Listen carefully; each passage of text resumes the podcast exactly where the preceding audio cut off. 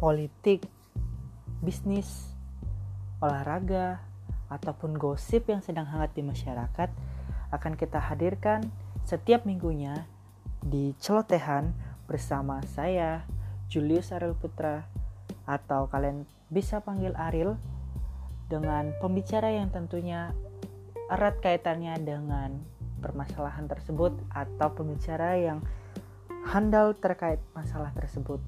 Teman-teman bisa memberi saran tentang apa aja yang akan dibahas di dalam celotehan setiap minggunya. Sampai jumpa, bye bye.